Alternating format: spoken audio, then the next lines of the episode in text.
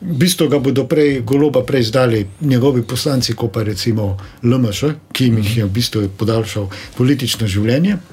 Oni so neke vrste pretorijanska garda eh, Roberta Goloba. Ne. Potem imamo pa tukaj en kup, recimo temu, kučanovih princesa, ne?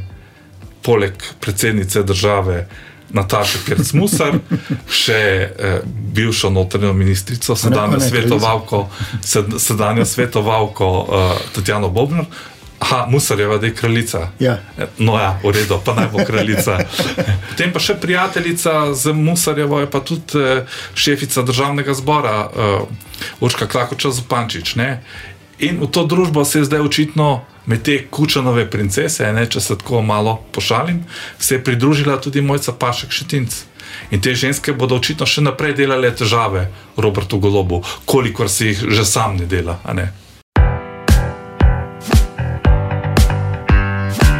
Dobrodošli v novi epizodi Reporter podcasta. Eh, v slovenski notranji politiki divja vojna vseh proti vsem.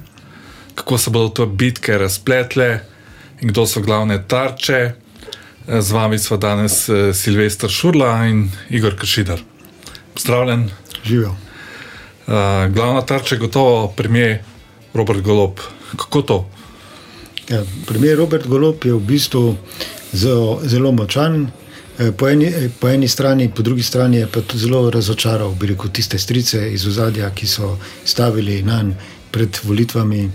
E, Marsikaj je bilo obljubljenega, eh, narejeno, pa ni bilo tako, kot je bilo obljubljeno. Golop je eh, dobil na volitvah lani najbrž preveč glasov, ne? zaradi tega se ga poskuša nekako oslabiti. Ja, in zaradi teh, predvsem, ne samo da je dobil veliko glasov, predvsem je dobil um, veliko poslancev. Uh, take številčne poslanske skupine še v zgodovini nismo imeli in to mu tudi daje svojo moč. On praktično lahko vlada z eno od vladnih strank ali pa kakšno opozicijsko, eh, lahko tudi vlada sam.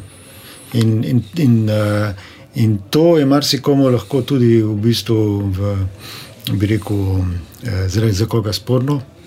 Uh, sploh za ljudi, ki bi radi imeli uh, uh, tudi sami moč, vpliv na to vlado, kot, kot vidimo, uh, imajo precejšen vpliv nevladniki. Uh, z, zdaj nekaterim golo popušča, nekaterim ne. Uh, tudi kakšnim stricam iz ozadja, recimo, kot se jim popularno reče. Recimo Janko, Jankoviča zelo posluša, Milena Kučala malo manj. Kaj pa Nataša Pirc Musar, predsednica države? E, mislim pa, da njo pa sploh ne, ker sicer ne bi bilo e, tako hudega besednega dvoboja med njima, kot, jih, kot ga lahko pozujemo e, zadnje mesece. No, ne med njima, e, predvsem z, njegovo, z njeno svetovalko, ne, e, odstopljeno ministrico za notranje zadeve Tatjano Bobnar, ki je po um, desetih mesecih, potem ko je odšla iz golobove vlade, nastopila pred. Eh, komisijo parlamentarno in tam goloba obtožila vmešavanja v policijo, ne, da je ti naročil, da mora čistiti, eh, janši, očistiti janšistov policija. Ne. S čimer se je ona pred, preden je bila izvoljena za ministrico očitno strinjala, potem ko pa njen izbranec ni bil imenovan za šefa policije, pa se s tem ni več strinjala. Ne? Ker večina teh eh, obtožb, ki jih je izrekla zadnjič, je bilo izrečeno že ob njenem odhodu lansko leto. Zdaj, da je šla gospa to še enkrat po desetih mesecih ponoviti in da je vse te obtožbe, ki so zelo hude, ne? na nek način nadgradila. Uh, jaz mislim, da je gotovo morala dobiti neko zeleno luč za to. Vemo, da, da se je zaposlila v kabinetu predsednice države Nataše Pirc Musar. Vemo, da je Pirc Musarjevo um, podpiral v kampanji nekdani predsednik partije in države Milan Kučan, uh, da Kučan tudi hodi tja z Danilom Tirkom, spet bivšim predsednikom uh, v kabinet predsednice na kosila in da se po nekih informacijah tudi neuradno srečuje z eh, Tatjano Bobnar. Jaz mislim, da tukaj je mogla Tatjana Bobnar dobiti nekašno zeleno luč eh, za ponoven napad na Roberta Goloba v tako brutalni obliki.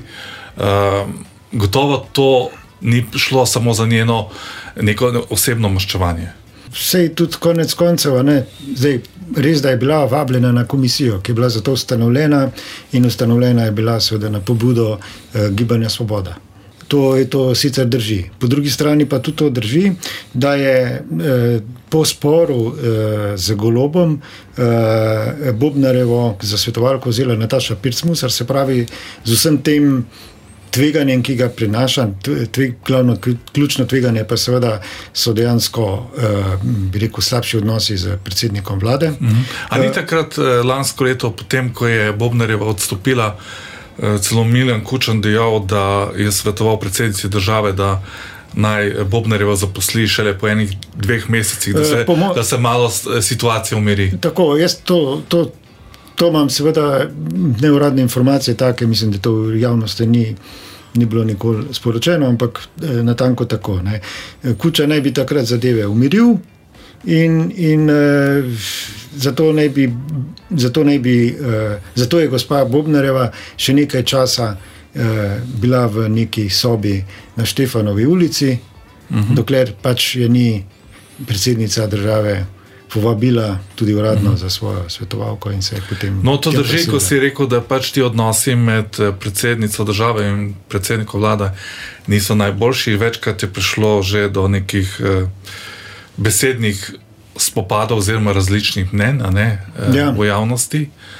Vendar, le, kot sem jaz na začetku uh, že dejal, ne, nekomu je v interesu, da se pač Roberta Goloba po enem letu in pol v vladni palači nekako uh, oslabi, ker uh, Golob uh, zdaj pred prazniki uh, je dejal, ne, da sporoča javno Janez Janši, ne, da tega filma, da bi on odstopil, ne bomo videli, oziroma da bo Janša videl. Jaz mislim, da je bilo bolj sporočilo. Ljudem iz njegovega tabora, ne toliko Janez Janši. Ja, ker uh, Roberta Goloba v bistvu v čem vidim jaz problema. Uh, največji sovražnik Roberta Goloba je sam Robert Golob. Zaradi njegovega značaja in načina vodenja vlade, ki se je izkazal po dobrem letu in pol, da ni ravno učinkovit. In to najbrž vedo tudi tisti, ki so ga na nek način. Nagovorili, nagovoril, da je prišel v politiko. Tle so bila zelo velika pričakovanja, glede na to, da ima ta koalicija zelo udobno večino, več kot 50 Eh, glasov, da bi ta vlada naredila neke reforme. Vemo, da so vmes prišle poplave, pa vendarle, pa vendarle neke reforme so nujne in taka koalicija, ki ima tako večino, lahko to naredi. Ampak zdaj, kakšnih velikih uh, reformnih projektov, žal ni bilo, razen tega, da so ukinili tisto prostovoljno. Eh, zdravstveno eh, zavarovanje, pa še ta zadeva zaradi finančnih eh, posledic, ki bo imela, ne, ni čisto jasno, kako se bo rašla. Drži to, kot ti praviš, da so Roberta Goloba ne ruši. V bistvu ne bo tisti, ki ga bo zrušil, če ga bo že kdo zrušil, ne bo Janes Janša, ker Janes Janša enostavno te moči v tokrat sem sklical državnega zbora, nima, ampak so predvsem te strukture, mi lahko rečemo tudi, da je to eh, kučanov klan, ki je eh, za Natašo Pirc Musar na nek način se revitaliziral, stal od mrtvih. E, vemo, da kučan, ko je bil deset let v predsedniški palači, e, ni bil v najboljših odnosih s Pahorjem.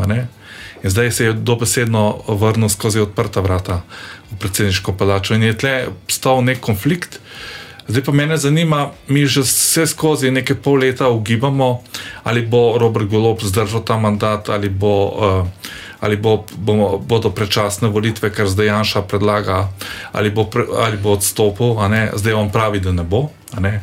Glede na značaj, kakršnega ima, da je trmast, mu gre na nek način verjeti. Lahko verjeti. pa tudi preseneti, ker doska to naredi, recimo zadeve, reko, da jih obrne za 180 stopinj. Zelo hitro, razumno, ja. glede števila članov vlade. Recimo. Recimo, recimo, to je že en primer. Imamo rekordno, ne vem, rekordno ogromno število članov vlade, preko 20 ne, ministrstv. Če ja, se prav. 20 jih je. 20, no. Ja. Zdaj jih bi imel pa 12, oziroma celo 7, 7. po švicarskem nekem modelu. Ali je to sploh izvedljivo? Vemo, da je bil referendum, pa eno leto po referendumu ne smeš tega spremeniti. Ampak ja, to, kar treba ja. neke zakone spremeniti, rabiš večino koalicije, ne? ni dosti samo večina gibanja Svoboda. Ne? In te stvari največ tudi ne gredo čez noč. Če da, no. Teoretično bi, bi mu lahko dala eh, glasove tudi SDS, samo potem bi naredil mimo koalici, koalicijskih partnerjev, pa kakšno sporočilo bi to tem bilo v ja, javnosti. Če smo že tukaj, ne, eh, ko si omenil ne, sodelovanje z SDS. Eh, Zdaj, med temi prazniki je prišlo ven ne, uh, pismo Mateja Tonina, predsednika Nove Slovenije, v katerem on zarotniško piše, oziroma ne vem, kdo je to pač napisal, on se je pač podpisal pod to pismo, ne, da v bistvu se pripravlja koalicija med SDS in Gibanjem Svoboda. Kaj ja. ti praviš na to? Ja, meni se to zdi v bistvu znanstveno, mislim, ne bom rekel znanstveno, samo bolj fantastika. V bistvu so vsi, vsi ki so tam noter umenjeni, neki akteri so vsi po vrsti zanikali. Si se bodo zdaj v Novi Sloveniji lahko rekli, ja, če so vsi zanikali, potem, potem pa gotovo nekaj res. Ne? Ja. Ampak tam so res, eh, recimo, dobesedno nore stvari, ne napisane. Ne. Ja, res je dejansko. Ja. Uh, jaz v bistvu v tisto, kar je tam bilo napisano, ne verjamem. Ne. Ker to... je tako, eh, pri politiki vemo, da uporabljajo laži. Ne. Če recimo laže Janes Janša, mu vsaj njegovi verjamejo. Če pa laže Matej, to ni, se mu pa vsi režijo. In ja. to se je zgodilo v tem primeru, v primeru tega pisma. Mogoče se tudi kakšen najde, da, da mu verjame, ampak to je zelo, zelo malo ljudi. Ampak rec, recimo, no, eh, ta, to, to ni pismo. Ne. Jaz mislim, da je tu bilo šlo bolj za odvračanje od te afere, v katerih se je znašla Nova Slovenija. Recimo, A to misliš Darso. na Dars? Ja, recimo. Dars, dejstva govorijo ravno drugače, ravno nasprotno, da je sodeluje zelo dobro, oziroma je sodelovala ne, do zdaj Nova Slovenija z Gibanjem Svoboda. Oni so jim pustili direktorja Darsa, potem eh, člana uprave SDH, potem še nekaj ljudi v nadzornih svetih, a ne dejstva govorijo ravno nasprotno kot oni pišejo, ne, da so bili pač oni v koaliciji in tudi zdaj pripravljajo eh, skupaj s to vladno koalicijo neke ustavne spremembe, kot vemo. Ne. Zdaj, motiv, zakaj so šli to pismo napisati, res je, da jih Janša raketira kar naprej in izmerja z izdajalci po družbenih omrežjih, verjamem pa tudi ne. Eh, da tudi na tajništvo Nove Slovenije, kakšni zaskrbljeni njihovi člani eh, kličejo in jim grozijo, da bodo šli k SDS. Ne. To so lahko dejansko, ne, lahko so pa tudi neke dogovorjene akcije. Ne. No, možno je, da je to pismo bilo namenjeno njim. Se je seveda on je to pismo napisal članom stranke. Tako. Da, da, češ, pogledajte, se ni nič narobe, če mi sodelujemo z, z Gibanjem Svoboda, SDS bo šel pa z njimi celo v koalicijo. Ne. Čeprav mislim, da tega filma, če uporabim zdaj golobove besede, ja. pa to ni ne bo videl. Ne. Mm -hmm, mm -hmm. ja, ampak zdaj se je zgodila se je v tem času še ena hujša stvar. Ne.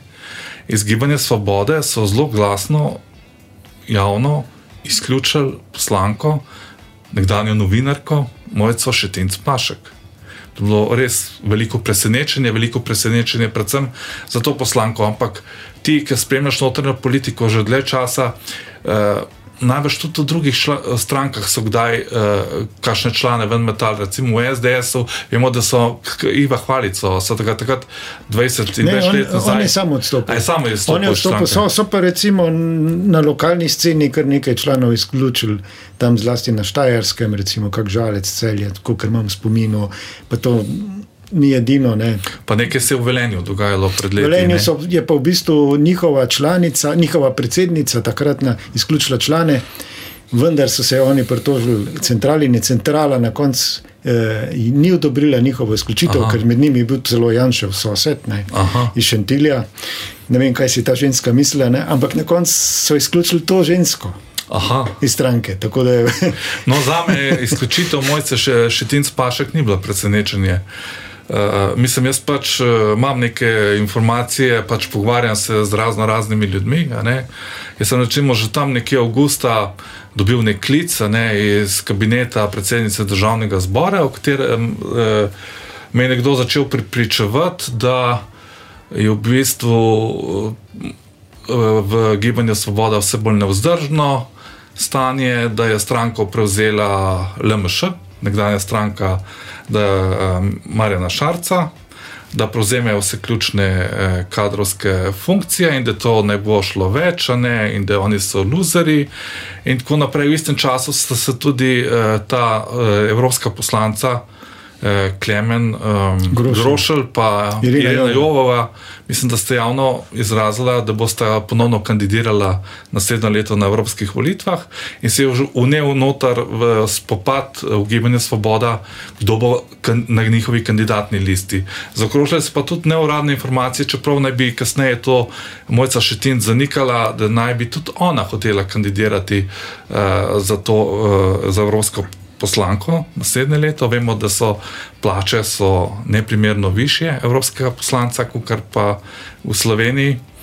Uh, morda domnevam, ne, da je morda bil uh, spor med uh, Šetinc Paškovo in stranko tudi na tej ravni, ker ona ni dobila zagotov, zagotovila, zagotovila da, da se je dal visoko, do, da bi jo dal sploh na listo. Uh, v reporterju smo pa tudi kar še mesec nazaj objavili neko zgodbo o eh, novi eh, hiši, vili, eh, za koncev Šetinc, ne mojca Šetinc Paša, ki je poročena z nekdanjim politikom, zadnje leto lobistom Miletom Šetincem, da so se preselila na drugi konc Ljubljane v neko novo vilo.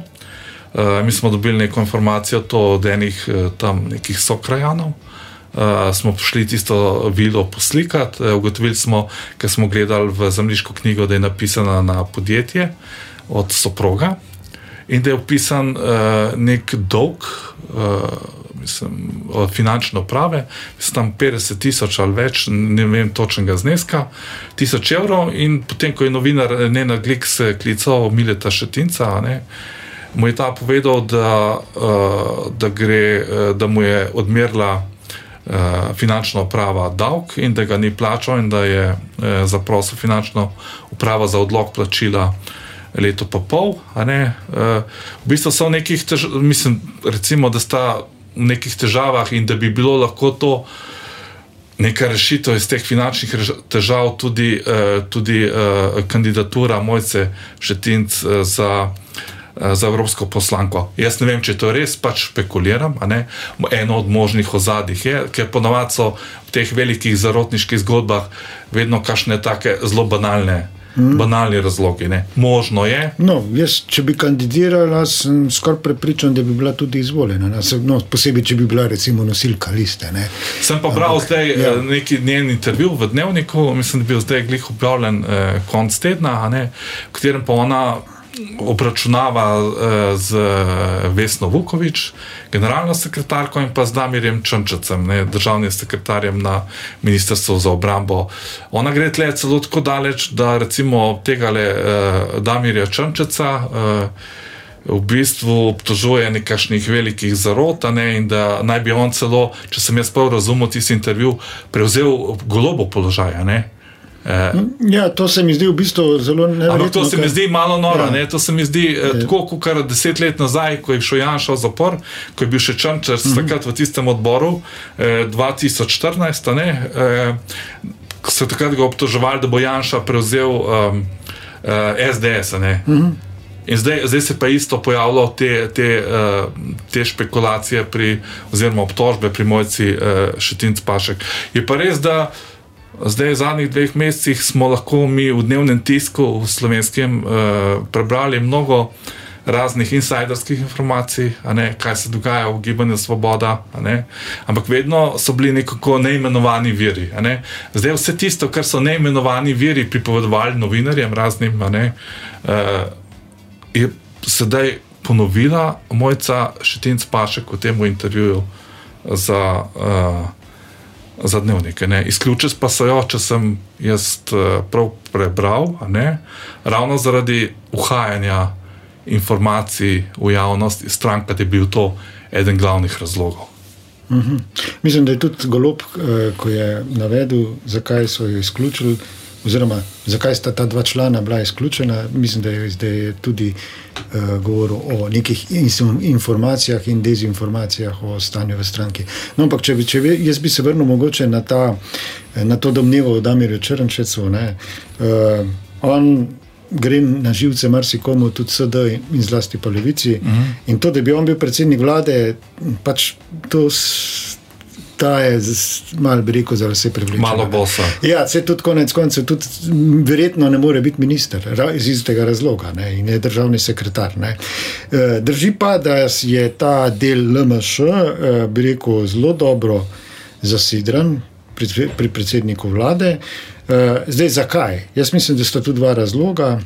En razlog je njihova neomajna lojalnost, ker jih je v bistvu on pobral iz ceste. In oni so v bistvu golopih je pobral, iz, je pobral iz ceste in so mu v bistvu neomajno zvesti. V bistvu ga bodo prej, goloba prej zdali njegovi poslanci, kot pa recimo LMŠ, ki jim je v bistvu podaljšal politično življenje. Oni so neke vrste pretorijanska garda, eh, Roberta Goloba. Eh, eh, po drugi strani pa v bistvu imajo med vsemi temi pridruženimi stranki nekaj ljudi, ki nekaj vedo, nekaj znajo, ki imajo nekaj izkušnje. Ne. Mm. Zdaj imamo na eni strani imamo ta krok okrog LMŠ-ja, pa generalne sekretarke Svobode eh, Vesne Vukovič. Eh, najne nekdanje novinarske kolegice, ne, ko je šla ona takrat politiko leta 2000. 22 za tiskovno predstavnico je bilo zelo velik rompom pom, predvsem ti levi, levi novinari in ta eh, društvo novinarjev so dajali kar ostre izjave proti njej, ne, takrat. Ne. Eh, ko je prišla Mojca Pašek v politiko, kandidirati za poslanko, kašne pol leta predtem, ni bilo takega burnega odziva ne, teh novinarskih stanovskih organizacij. Mojica Pašek se je zelo hvala, da je šla po nasvet, eh, prednji kandidirala. Eh, bivšemu predsedniku Milanu Kučanu. In zdaj, če imamo na eni strani eh, ta, ko ste omenili, ta eh, center moči, ne, LMŠ pri Golobu, ne, imamo drugi, na drugi strani center moči v kabinetu predsednice republike, kjer sta dva bivša predsednika zadaj, ne, poleg mm -hmm. Milana Kučana, ja. še Danila Tjurka, potem imamo pa tukaj en kup, recimo temu, Kučanovih princesa, ne, poleg predsednice države. Nataša Kercmusar, še eh, bivšo notranjo ministrico, sedanjo svetovalko, sedanjo svetovalko uh, Tatjano Bobnar. Aha, Musarjeva, da je kraljica. Ja. No, ja, v redu, pa naj bo kraljica. V glavno, eh, potem pa še prijateljica z Musarjevo, je pa tudi eh, šefica državnega zbora, uh, Urška Klakoča Zupančič. Ne? In v to družbo se je zdaj očitno med te kučanove princese, ne, če se tako malo pošalim, se je pridružila tudi mojca Pašek Šetinc. In te ženske bodo očitno še naprej delale težave Robertu Golobu, kolikor si jih že sam ne dela. Ne? Ja. On ima, on, on ima samo eno princeso, ne? to je Tino Gaber. Ne? Aha. V redu, e, s tem bomo danes zaključili. E, tako da e, podcast pa lahko spremljate na različnih platformah, tako v video kot audio obliki, tako na YouTubu, Spotifyju, um, kot na platformah od Google in Apple. Za danes pa lepo zdrav in se vidimo prihodnji teden.